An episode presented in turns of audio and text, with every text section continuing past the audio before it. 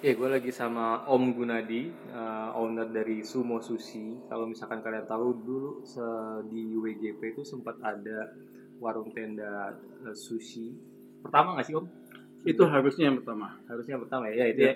Itu uh, 2004 ya waktu itu awal-awal sushi mulai bukan booming ya, kembali booming ya sebenarnya. Um, sebenarnya bukan booming, tapi orang mulai mengenal sushi itu yang seperti apa dan Hmm. lagi mau tren tren up-nya mau di situ. Hampir hampir orang mau kenal, mau tahu, mau nyoba. Anak-anak muda pengen nyoba seperti apa sih sushi itu? Itu kayaknya sekitar tahun segituan. Karena kalau yang zamannya papa mama kita itu biasanya mereka sushi eh apaan tuh mentah tuh Bener Om. jadi rewel kan nah pada 2004 tuh biasanya itu saatnya anak-anak muda mulai mu- um, pengen nyoba kemudian mulai kenal lagi seperti apa sushi itu gitu Saya ingat tuh waktu dulu waktu waktu masih kecil itu nonton Takeshi Castle ya. itu kan banyak makanan-makanan Jepang tuh. Iya. Salah satunya sushi. Terus kayak si mama ngeliat nih apaan tuh kayak menarik. Kalau buat anak kecil kan menarik kan warna-warni Iya. terus eh, bentuknya lucu-lucu. Betul. Mau cobain di sini ada yang kayak gitu. Ah ngapain? Ah ikan mentah itu jangan dimakan gitu. Iya. orang-orang tua kan begitu kan image kan? Betul ya ya nah berarti 2004 ini baru benar-benar ribatnya meluas nih ya ya tapi sebelumnya kalau kalau di Kelapa Gading sendiri sebenarnya Tengoku itu udah duluan ya Om ya?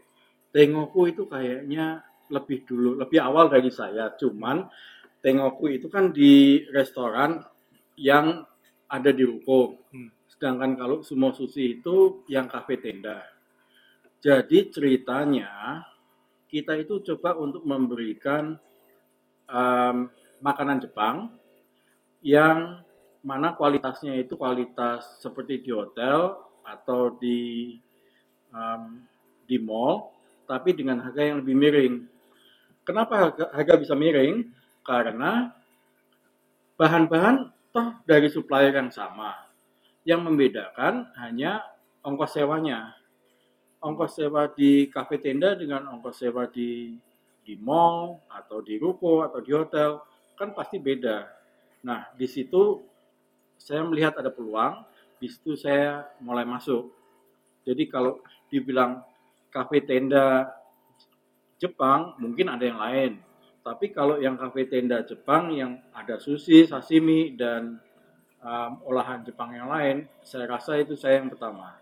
Oke, siap. Ini sebelum-sebelum sumo nih, ini ceritanya gimana nih Om? Eh, lu pernah kerja di resto Jepang atau gimana nih? Belajarnya dari mana sih? Jadi ceritanya waktu saya masih muda, saya pernah sekolah di Australia. Kemudian Ambil jurusan apa? Saya di Australia ambil jurusan industri matematik dan komputer. Nggak nyambung. nggak nyambung. Itu itu yang parah. Kadang kalau ditanya lu kerja apa sekarang? Oh ada restoran. Sekolahnya apa? Industri matematik sama komputer. Orangnya diam. Ya benar sih nggak nyambung. Ya mau gimana lagi? Jalannya udah lewat situ. Di di mana Om? Di di kota mana? jadi waktu itu saya sedang di kota Sydney dan kemudian saya magang di restoran Jepang di sana. Kemudian setelah magang di sana sekian lama sudah dapat ilmunya. Ke Restoran Jepang itu resto sushi atau in general yang Jepang? restoran Jepang in general.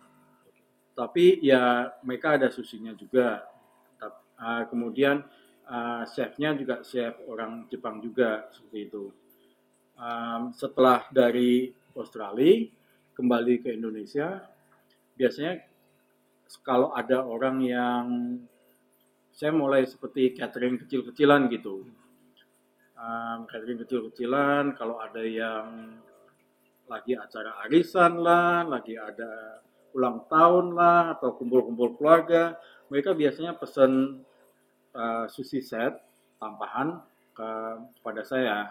Nah, dari situ karena responnya baik, mereka bilang, kenapa nggak buka restoran Jepang? Wow, zaman gitu restoran Jepang kan duitnya mahal. Tahun modal berapa nih ngomong? itu sekitar 2003-2004. Uh, waktu itu saya sedang ngajar uh, sebagai tenaga pengajar bahasa Inggris. Uh, kemudian sampingannya ya catering itu.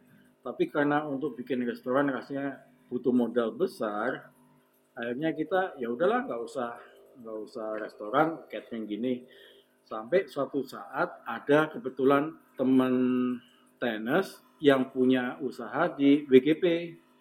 Nah di situ akhirnya saya coba tanya, coba ngobrol, kayaknya lebih masuk di situ dan konsepnya bisa konsep makanan Jepang yang di tenda. Nah, barulah kita mulai merintis pembukaan uh, semua sushi di WGP. Kita buka kalau nggak salah bulan Agustus, bulan Agustus uh, 2004 itu pertama kali kita buka. Dan persiapannya waktu itu cuma empat minggu, karena kita pikir kalau kita mau persiapan lama-lama semuanya harus um, sempurna 100% kayaknya nggak bakalan buka-buka. Jadi yaudahlah paksain 4 minggu uh, mau nggak mau jadi nggak jadi harus buka seperti itu tapi sebelumnya pemikirannya gimana bang soalnya saya mikirnya kayak kayak sushi ini kan um, butuh pendingin betul sementara kalau restoran tenda lain kayaknya pendingin itu sekedar buat nyimpan barang aja deh buat kita maksudnya ini banyak banyak kendala teknis sebenarnya kalau nggak umum lah buat buat Betul. orang bikin resto sushi itu di tenda. Betul. Nah, itu yang menjadi menjadi tantangan buat saya. Menjadi tantangan buat saya karena um, lemari es pendingin displaynya itu saya harus custom. Harus uh, pesen ke orang um, dengan spesifikasi panjang, lebar, tinggi dan sebagainya dan harus dingin sekian derajat itu saya harus pesen dan ternyata ada yang mampu untuk bikin itu ya kita lanjutlah seperti itu. Custom gini ya? Iya. Um, kalau beli jadi ada beli jadi, tapi ukuran dan ininya kan tidak sesuai dengan yang kita inginkan. Jadi pada akhirnya kita harus impro, improvisasi, improvisasi supaya apa yang kita inginkan itu bisa tercapai, tapi juga dengan biaya yang tidak terlalu mahal dan um, secara fungsional bisa berjalan seperti itu. Jadi Agustus 2004 ya mulai operasional. Ya. Tapi Om Gunadi kan nggak nggak ada background terus maksudnya uh, buat sebagai usaha pernah Om?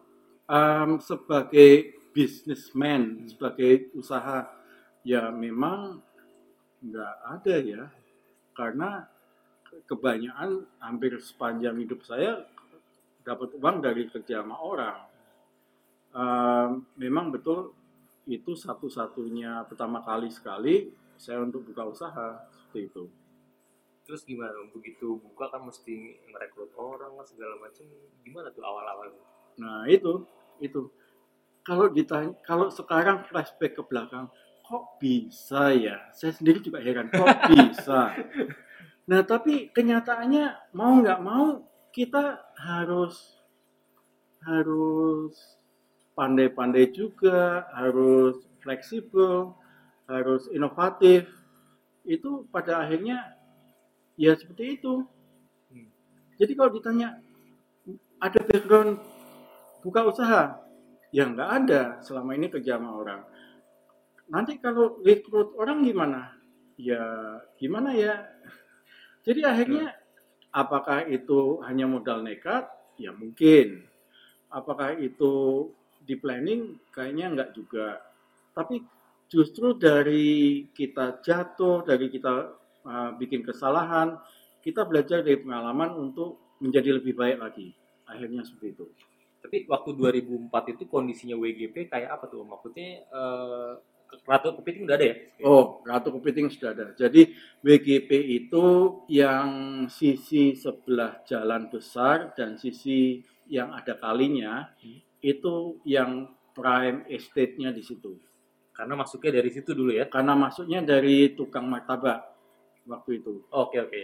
Jadi um, waktu saya datang ke WGP untuk ini, waktu itu um, kita harus kasih sampel menu, kasih sampel makanan, um, audisi dulu Oh, seribet itu dulu. Eh, seribet itu. Terus akhirnya cuman dibilang, ya deh, em, kamu masuk yang di sisi sekarang yang sisi sebelah depan apotek situ. Hmm. Nah, di situ pun kebetulan sebelah saya juga lagi bukaan baru Apa? yang namanya corner, yang warnanya kuning. The corner, the corner. The corner. Itu selisih satu minggu dengan saya. Jadi kalau nggak saya kalau nggak salah, em, saya dulu buka baru mereka, saya lupa, tapi beda seminggu. Em, ya seperti itu. Jadi kalau dipikir lagi, the corner itu katanya waktu itu ada empat orang atau enam orang pemegang sahamnya. Mereka anak-anak muda semua, jauh lebih muda dari saya. Ya, mereka punya teman, mereka punya kalangan, punya ini diajak satu orang ngajak tiga orang aja, penuh itu tempat. Tempat saya, saya bermain sendiri, dagang sendiri. Ya teman saya seberapa, ya diundang ya paling um, setengahnya udah untung waktu itu. Seperti itu kondisinya 2004. Tapi yang lagi booming makanan apa sih? 2004 itu. Waktu itu 2004 kayaknya belum kelihatan benang merahnya. Apa yang menonjol, apa yang istimewa kayaknya belum belum kelihatan. Um, saya buka sushi pun akhirnya lebih banyak mengedukasi customer yang datang. Seperti itu. Nah, itu kan em, perkenalannya gimana tuh dari orang yang takut makan daging mentah sampai sekarang tuh udah kayak biasa banget lah makan sushi. Oh, itu biasanya ada pengenalannya. Saya tanya dulu, pernah coba, pernah makan makanan sushi belum? Pernah coba yang mentah belum? Kalau mereka belum, ya kasih sushi yang matang. Oke. Kalau sushi yang matang mereka udah udah bisa, udah cocok. Kemudian baru saya perkenalkan dengan yang mentah. Tapi waktu waktu proses develop menunya ini disesuaikan nggak Om sama lidah kita?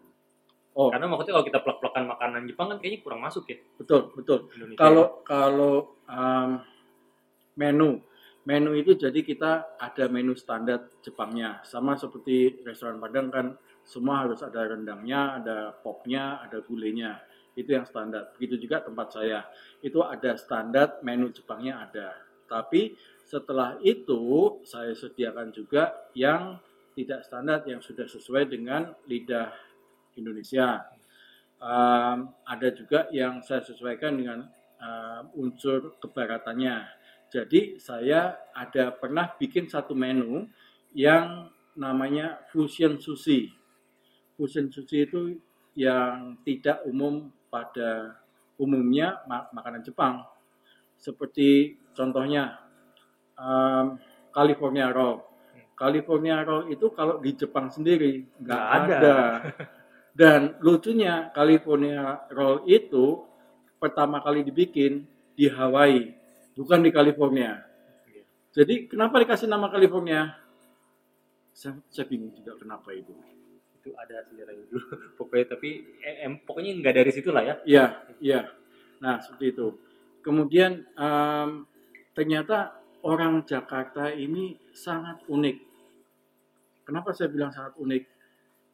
Em, saya pernah pernah lihat, pernah coba, pernah makan satu menu yang ada di Jakarta Selatan. Saya bawa itu menu, saya coba replikasi di Jakarta Utara dengan em, harga yang sepertiga lebih murah, tapi rasa semua sama, nggak masuk di apa situ. tuh menu apa Itu menu em, apa? Salmon salad. Jadi salmon yang pakai mayones Hmm. itu nggak masuk di lidah orang Jakarta Utara ada nasinya tanpa nasi. oke pantas Tapi begitu saya perkenalkan menu yang namanya sumo kremes, wow itu booming sekali. Jadi favorit itu andalannya ya Itu andalannya. coba Sampai- kan dikasih tahu isinya apa aja tuh? Jadi kalau um, sumo kremes itu ceritanya gini, awalnya kita bikin menu teriyaki atau menu tempura kita kasih bonus em, apa sumo kremes ini. Nah, sumo kremes ini sebenarnya em, kriukan em, apa tepung temu- tepung gorengnya atau kremesan dari em, apa dari tempura. Nah itu yang digulung dengan nasi Hmm. jadi sumo sumo kremes nah Pakai Set- topping salmon ya. belum belum pakai topping salmon saat Oke, itu cuma digulung doang. cuman digulung Pakai nori? pakai nori pakai nasi pakai kremesannya itu Oke. nah setelah sekian lama orang beli set menu teriyaki ada bonus em, sumo kremesnya itu tiba-tiba ada satu customer yang ngomel ini gimana sih? Saya tuh sebenarnya suka ini sumo kremes tapi kalau saya mau makan ini saya mesti beli satu set. Dia ngomel. Saya pikir oh oke baiklah. Jadi mau sumo kremes saja. Ya ya udah. Sejak itu kita bikin menu baru namanya sumo kremes atau sumo ya sumo kremes waktu itu. Setelah sumo kremes baru kemudian muncul varian yang berikutnya yang ada salmonnya jadi salmon kremes ada tunanya jadi tuna kremes seperti itu dan setelah itu itu yang jadi jadi favorit menu Tapi eh, kremes ini di Jepang nggak ada kan? Jepang nggak ada Oke. Jadi eh, bisa dibilang ini kecelakaan ya Om. kecelakaan yang menyenangkan Oke. betul orang Indonesia kan paling demen tuh gorengan-gorengan. gitu. Nah, ini ini ini yang lucu. Ini yang lucu karena di Jakarta Utara yang menjadi favorit ya ini sumo kremes, salmon kremes itu jadi favorit. Ketika 2010 saya buka em, satu cabang lagi yang di Menteng, sumo kremes dan salmon kremes bukan menjadi favorit yang utama. apa itu? Um, di sana ada ada favoritnya yang lain. Um, dia ada favorit yang namanya seksi salmon. Tapi itu nanti saya cerita lagi. Itu ada ada ceritanya. Um, yang ini andalan di di Kelapa Gading, yaitu yang sumo kremes dan variannya. Dan itu yang tiba-tiba bikin sumo sushi jadi booming ya. Itu yang uh, bikin sumo sushi booming. Sebenarnya sumo sushi booming itu saya harus berterima kasih dengan almarhum Bapak Bondan Wilano Ah iya iya. iya. karena em, kebetulan kru dari Trans TV itu sering mampir, sering nongkrong di tempat kami. Em, waktu itu saya sendiri juga nggak nggak nggak sadar. Kemudian suatu hari mereka bilang, Pak, ini Pak Bondan mau mampir. Terus saya bilang, terus gimana? Saya mesti dandan, mesti pakai pakaian rapi. Dia bilang, enggak Pak, Pak Bondannya aja Bapak nggak usah muncul. ya, ya udah. Jadi saya cuma dandan ya seadanya karena saya nggak harus muncul di TV. Em, Tahun berapa tuh? itu kalau tidak salah tahun 2008 Wisata kuliner ya. wisata kuliner masuk ke situ dan sejak itu terima kasih dari dengan Pak almarhum Pak Bondan em, kami boleh menjadi sukses di bidang em, apa? Restoran Jepang yang men- menyediakan sushi yang di kafe tenda seperti itu. Saya saya ingat waktu waktu nyobain sushi pertama kali itu pun sama teman-teman ya kalau karena kalau pakai sama orang tua pasti nggak boleh. iya. Itu tahun 2000 sebelum itu kayaknya 2006 7 atau 8 ya pertama kali makan di WGP iya iya Nah, terus em, serame apa tuh Om dulu? Se- Se-booming apa? Maksudnya dulu kan pemainnya belum banyak ya. betul Bahkan pemain-pemain gede pun juga masih. Um, waktu itu yang ada itu cuman di Kelapa Gading, yang ada Sushi Tengoku, em, uh, pionirnya lah ya. pionirnya, kemudian Sushi um, apa itu yang di di mall di depan lift, Oh, itu apa Komachi? Komachi. Um, kemudian ada satu lagi yang di atas lantai tiga yang lambangnya kodok, saya lupa itu. Udah nggak ada. sekarang udah nggak ada udah tutup juga nah waktu itu yang yang ada cuman itu Um, kemudian kita buka di tenda 2004. Ya kalau dihitung pada saat itu yang masuk ada uh, keluar masuk keluar masuk, tapi bisa masih bisa dihitung dengan jari. Dan sempat juga pernah sekali kita buka dalam sekali buka cuma dapat 75.000 pernah juga. Kemudian sampai di suatu saat saya dan istri harus uh, bertanya gimana? Ini mau diteruskan atau kita stop sampai sini? Jalan berapa tahun tuh? Itu jalan sekitar tiga tahun tiga tahun tiga tahun setengah dan kemudian istri bilang ya udahlah kita coba lihat bagaimana kita coba teruskan karena ini kan juga amanah kalau kita um, tutup itu kan berarti ada 10 um, keluarga yang penghasilannya jadi hilang karena um, restoran kami tutup. Jadi ya udahlah kita coba teruskan sampai kebetulan 2008 Pak Bondan mampir. Nah itu baru benar-benar booming. Jadi biasanya kita mulai jam 5 itu mulai setting tenda, mulai berdirikan tenda. Um, biasanya sampai jam 6 itu kita udah siap lima tamu tapi setelah kedatangan almarhum Pak Bondan, jam 5 kita lagi setting tenda, itu tamu sudah pada nunggu. Segitu berpengaruhnya ya? Segitu berpengaruhnya. Bondan waktu dulu. Betul. Dan pada saat itu juga, kalau kita ingat, acara kuliner di TV masih belum seramai sekarang. Masih dia doang. Ya, masih Pak Bondan aja dan kalau sekarang lebih rame semua orang bisa meliput semua orang yang punya um, kamera di handphone juga bisa meliput seperti itu um, kemudian seramai apa ya waktu itu benar-benar sangat rame kita keteter ya ada juga sampai tamu itu ada yang nggak nggak kelayanan sampai dia ke ke dapur sambil bawa orderannya dilambai-lambain mas saya dulu mas mas saya dulu mas sambil lambai-lambain ininya um, orderannya. Sampai segitu raminya dan terus um, 2010 ke Menteng? 2000, um, 2010 um, sebenarnya 2008 itu kebetulan ada teman dari istri yang melihat melihat restoran um, apa kafe tenda sushi kami. Dan dia kepingin punya restoran sushi. Jadi saya bantu dia sebagai konsultan untuk mendirikan restoran sushi. Jadi saat itu saya bantu dari perekrutan, dari layout di dapur, sampai uh, training staffnya, training SDM sampai uh, mereka siap untuk opening day pada hari pertama. Dan setelah itu pun saya masih masih bantu untuk uh, quality controlnya selama tiga bulan ke depan setelah itu.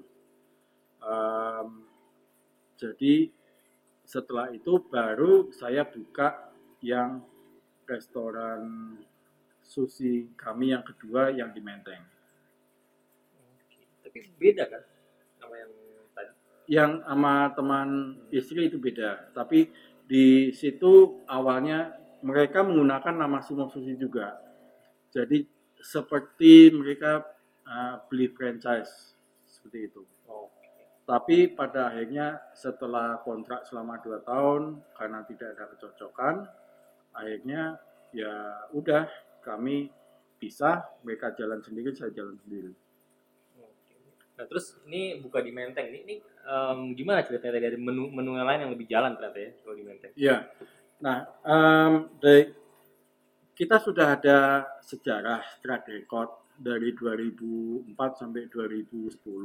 Jadi kita buka di Menteng, kami langsung memasukkan menu andalan.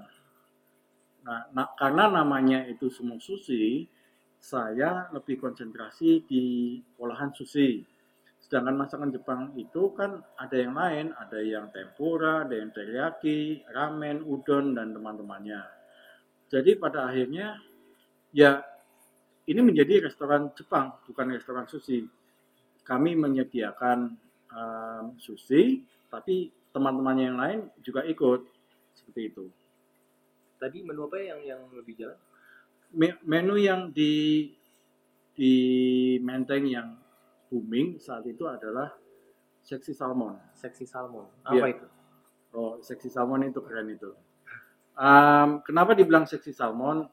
Harusnya saya kasih tunjuk gambarnya. Kalau dari gambarnya lebih lebih Ada visual. Ntar kirim ya. Nanti saya kirim gambarnya. Um, jadi ceritanya seksi salmon itu sebelum launching kami udah coba survei ke orang-orang. Cobain ini, ini menu baru, gimana? Respon bagus, Um, nggak ada masalah. Um, ketika ditanya gimana rasanya, unik, lucu. Apa sih ya isinya? Wow, kalau isinya apa ya? ka- Kalau saya kasih tahu nanti kalian tahu. Jadi mendingan dicoba dulu. Nah, setelah mereka coba yang kedua kalinya, ketiga kalinya, em, kayaknya pernah tahu, cuman masih nggak jelas. Ya udah, pada akhirnya saya beritahu isinya. Ya ini ada nasinya, ada norinya, ada salmonnya. Kan namanya seksi salmon. Tapi ada satu lagi em, satu bahan kunci. Em, bahan kuncinya itu adalah ada telur asinnya. Telur asin. Ya, jadi belum pernah kan makan sushi yang ada telur asinnya? Ini telur asin kayak apa nih? Kayak yang salted egg kayak model-model zaman sekarang atau bener-bener telur asin? Bener-bener telur asin rebus dipotong slice, kemudian dimasukkan dalam dalam em, sushi roll ya, seperti itu. Itu yang bikin unik karena pada saat itu belum ada restoran Jepang atau sushi yang menggunakan telur asin. Saya adalah yang pertama kali. Kalau sekarang mungkin mungkin ada yang coba tiru-tiru dengan menggunakan itu. Itu salah satu ininya. Kemudian em, ada lagi yang menggunakan ebi, em, ebi tempura, sama juga menggunakan telur asin juga. Jadi ini sebenarnya telur asin kan baru baru booming sekitar 2018 kali ya. Salted Iya. egg ngomongnya. Betul, betul. Nah, itu udah lama ya ini. Betul. Salted egg itu bisa booming juga karena yang fish skin salted Ya, ya, egg ya, itu ya. yang dari Singapura. Singapura. Um, sebelum dia ada, saya sudah mulai dulu. Tapi seksi salmon ini dijual di Kelapa Gading nggak? Di WGP nggak? Enggak, Kenapa tuh? karena saya ingin membedakan pasarnya. Jadi kalau dua tempat ini menunya sama, berarti kan saya cuma copy paste. Saya cuma ini. Nanti dibilang, oh ini cuma niru-niru dari Kelapa Gading, oh ini cuma niru dari Menteng. Saya nggak mau. Jadi saya bedakan sehingga ada beberapa item yang beda. Jadi orang itu ada alasan kenapa dia harus datang ke Menteng atau kenapa Oke. dia harus datang ke Kelapa Gading. Seperti itu. Jadi pendekatannya beda ya. Kalau franchise kan pokoknya harus sama. Iya. KFC atau apa. Betul. Nah, terus em, selama selama menjalani bisnis ini kan pakai anak buah nih om dan di WGP Iya. kan ya. Ya. Itu pasti banyak cerita lucu-lucu nih om. ya namanya em, lain ladang lain belalang lain toko SDM-nya pun pasti beda itu udah pasti dan Seaneh apa ya? seaneh apa separah apa maksudnya Boleh itu mak. Separah apa om? Em, karena kondisi di kafe tenda itu beda dengan kondisi di dalam gedung atau dalam hotel. Em, tentunya edukasi untuk staff untuk SDM pun juga beda atau latar belakang mereka juga beda. Saya pernah ada em, karyawan yang dari hotel karena di PHK dia ingin kerja tempat saya saya taruh di tenda nggak tahan. Kena angin malam masuk angin dia akhirnya hanya bertahan cuma beberapa minggu aja. Tapi anak-anak yang di tenda karena memang sudah biasa kena angin kena ini hidup di di luaran jadi mereka lebih boleh tahan. Dan kalau ditanya karena mereka tingkat pendidikannya juga beda dengan mereka yang kerja di ruko atau di hotel atau di mall akhirnya yang aneh-aneh yang parah itu ada keluar semua contohnya seperti yang maling itu Hmm. ada yang suka curi-curi ada sampai yang mesum pun ada Waduh, yang masa mesum mesum di warung tenda om gimana caranya? Jadi kalau yang datang itu ada cewek cantik, kelihatan belahannya, itu ngelihatnya tuh ketara sekali. Oke. Dan yang lebih parah lagi, pura-pura jatuhin penanya lah, dia ambil penanya sambil ngintip lah. Ada yang seperti itu. Dan ada juga pernah salah satu staf saya, setelah lebaran dia nggak mau balik lagi. Oh itu standar. Tapi ini bukan karena COVID, bukan karena em, tuntutan keluarga. Setelah tanya-tanya, ternyata dia habis hamilin pembantu yang ada di apartemen. Ya betul, aduh. Ya pernah bertanggung jawaban mereka sendiri, saya nggak ikut-ikut tanggung jawab. Yang seperti itu, tapi ya kenyataannya dia betul-betul tidak balik karena itu. Bahkan ada yang bilang sebenarnya yang susah dari bikin apa jalanin industri restoran tuh ngurus orang. Betul, betul. Kalau ngurus marketing itu mungkin udah bisa sub- disubkontrakkan. Kalau bikin menu malah fun ya. Bikin menu fun. Untuk bikin desainnya bisa minta tolong orang juga. Tapi untuk ngatur staff, ngatur SDM, meskipun kita punya manajer, kadang manajernya yang kewalahan atau manajer manajernya ikut jadi bajingan juga. ya, seperti itu. Oke oke. Tapi pada akhirnya kalau kita bicara mengenai SDM, em, ini ada juga pengalaman yang waktu di Menteng. Manajer yang main gila juga ada. Eh, bawa kabur uang ada juga. Yang pakai ilmu yang nggak kelihatan ada juga.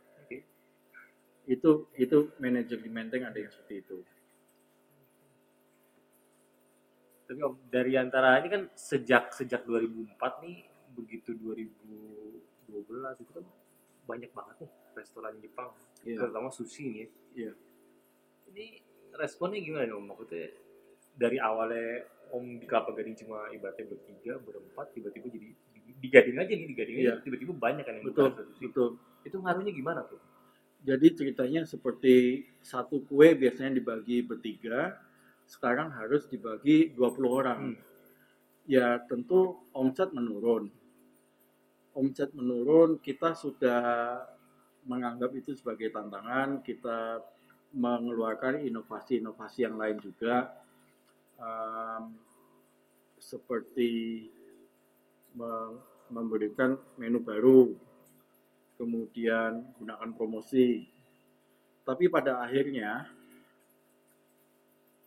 pelanggan di Kelapa Gading atau pelanggan di Jakarta pada umumnya memilih hanya memilih yang mana ada promosi, yang mana ada beli satu dapat satu lagi gratis seperti itu. Em, pada saat itu kami belum menggunakan strategi seperti itu, jadi kami hanya menjaga kualitas bahwa harga tidak kami turunkan, naik menurut kenaikan harga barang. Um, kualitas susinya pun tidak kami kecilkan atau dikurangin, tidak. Kita tetap jaga kualitas, tapi pada akhirnya ya kalahnya kalah dengan harga. Karena orang Promo itu. ya beda 1000 2000 mereka pindah hati. Seperti itu Segampang ini. segampang itu. Sebenarnya kalau kondisi seperti ini, kalau ingin menyaingi toko sebelah, ya tinggal perang harga, potong 1000 2000. Pasti nanti orang pindah hati. Tapi jadi nggak sehat tuh kayak gitu. Betul, betul. Nah, terus om, em, sekarang ini kesibukannya Om apa aja? Sekarang ini ya saya menjadi konsultan untuk kuliner. Seperti kalau ada orang ingin bikin restoran baru atau ingin mengembangkan restorannya, mereka datang ke saya, kemudian konsultasi gimana caranya, bagaimana lebih efisien dan sebagainya. Seperti itu. Sumo itu itu 2019 atau 18? Eh, 2018. Jadi bersamaan dengan Asian Games. Terus em, keputusan buat nutup itu pertimbangannya apa tuh? Keputusan buat nutup itu karena pertimbangan umur. Saya udah nggak muda lagi. Dan Dan gotong-gotong tenda lumayan ya Om ya? gotong-gotong tenda buat tutup tenda itu lumayan. Kemudian em, yang terakhir setelah tutup baru ketahuan ternyata di tenda itu banyak malingnya.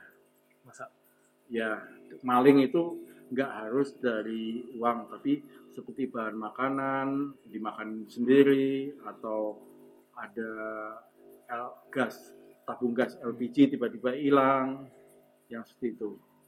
Jadi pada akhirnya untuk running cost-nya jadi lebih mahal. Masa setiap hari beli sabun cuci satu kantong satu kantong 800 mili mana mungkin sih seperti itu jadi pada akhirnya ya udahlah Em, karena kebanyakan maling dah kita tutup aja dan lagian untuk mengurangi beban pikiran seperti itu. Oke oke. Terus sekarang menerima pesanan itu juga kan? Eh, apa namanya? Siomay. Ya, Siomay, bakso goreng. em, kebetulan saya menyediakan bahan olahan babi. Hmm. Jadi masakan babi seperti somai babi, bakso goreng, kemudian babi kecap, bakut, sayur asin, sosis babi, Oh bikin juga? bikin sosis babi yang dengan resep orang Semarang. Kemudian Oh orang Semarang ya? kebetulan saya orang Semarang. Ya. Dan kemudian seperti um, sop kacang merah yang orang Belanda bil- bilang Bun soup itu saya bikin juga tentu menggunakan babi juga. Kemudian um, sop Belanda yang yang dibilang Egton soup menggunakan kacang polong saya saya juga menyediakan itu. Dan ini kacang polongnya impor impor dari Australia. Seperti itu tapi selain selain itu saya juga ada menu halal yaitu um, somai somai ayam yang beku itu halal. Dan sudah mendapat sertifikat halal juga. Wah udah sempet ngurus juga berarti? sempat urus itu. Itu berarti sekali. Berapa lama um, kurang lebih harusnya kurang lebih sekitar 3 sampai lima tahun. Tapi kebetulan karena Pengajuannya doang? pengajuan sampai selesai. Lama ya? Wow, nggak tanggung-tanggung. Tapi em, saya kebetulan ada yang bisa dimintain tolong, akhirnya nggak sampai setahun bisa keluar. Nah ini kan eh, tantangannya sejak covid ini banyak yang restoran-restoran yang sebenarnya hitungannya wah, jatuhnya ke pariwisata sebenarnya. Betul. Mereka pindah ke food processing dan retail Iya, dan kebanyakan juga main frozen food nih om. Ini betul. gimana nih om? Maksudnya persaingannya jadi kayak gimana sih maksudnya kan restoran udah nggak seksi lagi nih. Em, em, sekarang begini, semua orang boleh masak, semua orang bisa masak, tapi masalah kesedapan, masalah keenakan itu lain cerita lagi. Itu satu. Kemudian mengenai harga itu sangat sensitif. Em, untuk penampilan mungkin itu nomor dua. Ya kalau Frozen mau mau tampil cantik bagaimana? kan nggak secantik yang fresh. Ya pasti eh, penampilan Frozen jadi nomor dua, rasa jadi nomor satu sekarang. Lebih diutamakan yang rasa, Rasa sama harga berarti ya. rasa dan harga. Nah kalau yang zaman sekarang zaman online, semua bisa um, order melalui online. Yang menjadi kendala berikutnya adalah ongkos kirimnya. Ya. Kadang saking enaknya itu barang, ongkos kirimnya jadi lebih mahal dari barang itu sendiri. Betul. itu itu saya pernah alamin pernah saya um, order satu barang yang mana harga ongkos kirimnya lebih mahal Nah kali ini gimana tuh? Um, Kita kita pakai distributor atau apa gitu? um, minimal minimal ada reseller di kota tersebut. Seperti kalau saya somai frozen ini ada di Jakarta. Kalau ingin bermain seluruh Indonesia ya minimal di satu kota ada satu reseller. Kita kirim semua ke situ dalam jumlah besar. Kemudian mereka nanti yang distribusi ke um, end user atau ke um, retailer yang yang lain Jadi kalau kita mau cari produknya Om ini adanya di mana Om? Di marketplace ada? nggak ada adanya cuma di Pulau Mas Berapa nomor teleponnya Om yang sana? Kenapa nggak bikin kayak Instagram atau apa gitu? Ada? saya nggak terlalu pandai untuk bikin Instagram Oke berarti nomor aja nih ya? ya Berapa? nomor bisa melalui WhatsApp ke nomor 087 889 35 2225 saya ulang nomornya WhatsApp lagi 087 889 35 2225 Buat yang siomay halal namanya pakai tutup sumo ya? Comai halal tetap menggunakan sumo somai. Kenapa mesti pakai nama sumo sih Om? Udah kadung, semua orang udah pasti tahu yang um, daerah Kelapa Gading pasti inget lah yang namanya Om sumo sushi. pokoknya ya? Ya, ada yang namanya sumo sushi, mereka pasti ingat meskipun sekarang sudah tidak jualan lagi. Boleh dong kita gunakan produk yang lain dengan nama yang sama. Siap, siap, siap. Oke, em, eh, gitu aja Om. Thank you, thank you udah sharing-sharing nih. Oke, mungkin lain waktu kita bisa sharing lagi dengan topik yang beda. Siap. Ya, Topik apa nih? Um, seperti tadi udah pernah disebut yang SDM Nah, oke. kayaknya fun nih kalau kita bikin bagaimana sih rekrut SDM itu Boleh? Oke, siap. Oke, yang ini kita close dulu aja ya. oke Thank you, thank you.